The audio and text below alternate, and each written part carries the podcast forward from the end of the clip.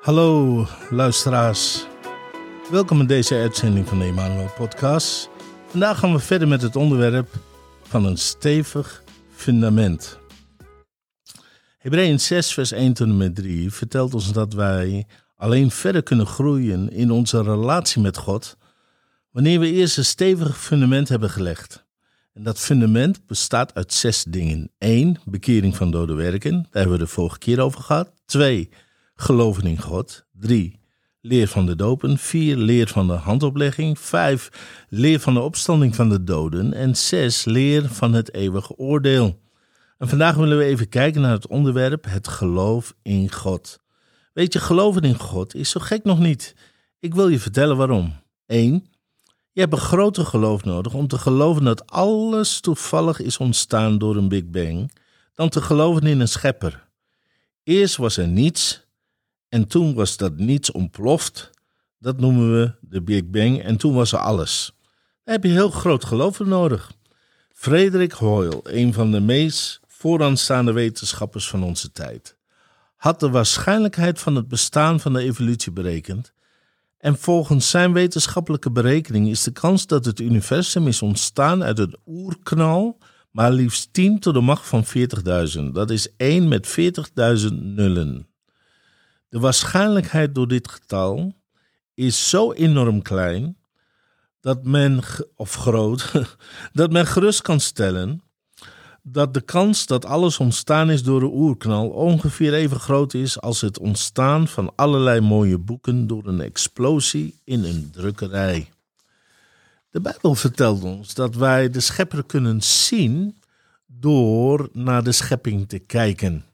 Romeinen 1, vers 20 zegt: Want hetgeen van hem niet gezien kan worden, zijn eeuwige kracht en goddelijkheid, wordt sedert de schepping der wereld uit zijn werken met het verstand doorzien. Lieve mensen, vingerafdrukken vertellen ons dat er iemand aan het werk is geweest. Op dezelfde manier heeft God zijn vingerafdrukken in zijn schepping achtergelaten. Deze dingen kunnen niet overgelaten worden aan toeval. Ze zijn gemaakt met een duidelijke blijk van ontwerp en niet van toeval. Laat mij enkele voorbeelden geven van de vingerafdrukken van God. Ten eerste, de oorsprong van onbegrensde ruimte moet oneindig in uitgestrektheid zijn. De oorsprong van oneindige tijd moet eeuwig in duur zijn. De oorsprong van voortdurende beweging moet almachtig in kracht zijn. De oorsprong van alle dingen moet alwetend en intelligent zijn. De oorsprong van bewustzijn moet persoonlijk zijn. De oorsprong van gevoel moet emotioneel zijn. De oorsprong van een wil moet zelfstandig zijn. De oorsprong van ethiek moet moraal zijn. De oorsprong van religieuze waarden moet geestelijk zijn. De oorsprong van gerechtigheid moet heilig zijn. De oorsprong van liefde moet liefdevol zijn. En de oorsprong van al het leven moet levend zijn. Want zelfs de biologie vertelt ons dat alleen leven leven kan verwekken. Er is maar één persoon die aan al deze waarden voldoet, en dat is de God van de Bijbel. God draagt zijn schepping als een mantel waardoor het onzichtbare zichtbaar is geworden. Nou, laten we samen een kleine logische test doen, oké? Ik wil vragen of, of je je ogen wil sluiten. Oh ja, deze test moet je dus niet doen wanneer je in de auto naar deze podcast aan het luisteren bent. Maar oké, Stel in je gedachten voor een A4 blaadje dat nog helemaal leeg is. Kan je het zien? Eén A4 blaadje totaal onbeschreven.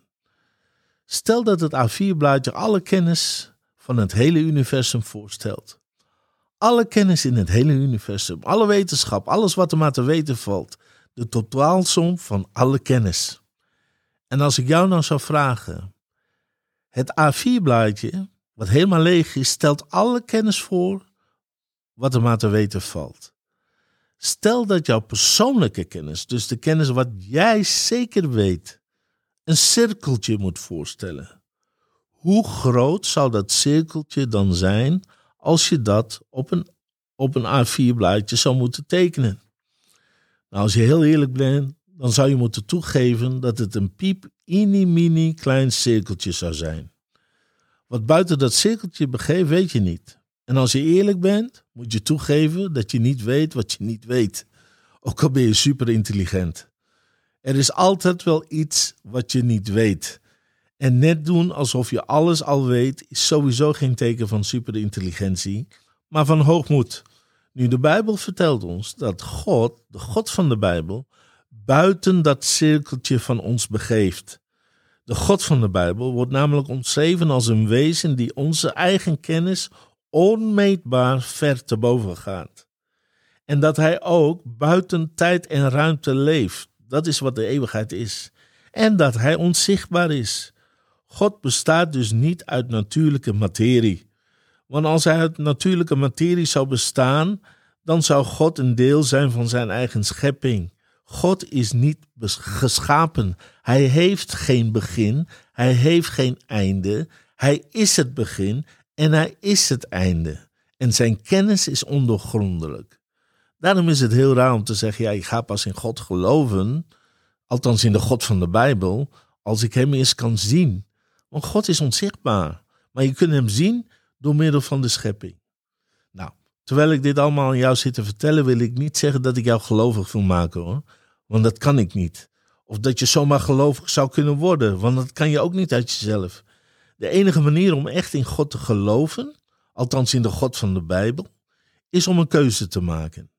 Wanneer jij bereid bent om je eigen beperktheid te erkennen, dat je niet alle kennis van het universum bezit.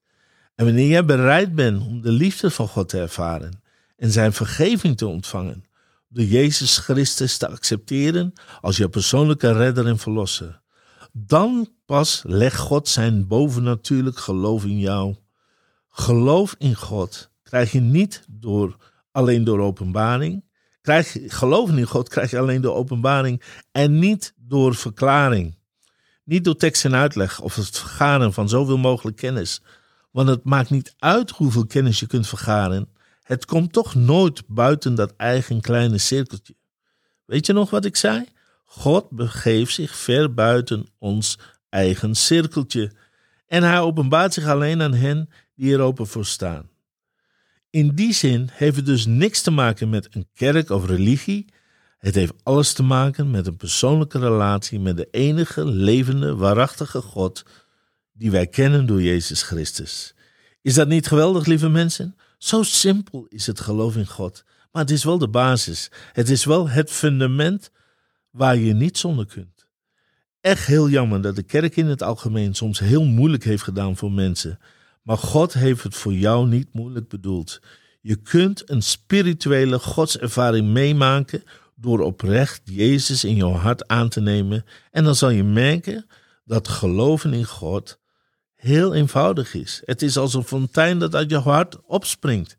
Oké, ik heb jou getracht duidelijk te maken waarom geloven in God zo gek nog niet is.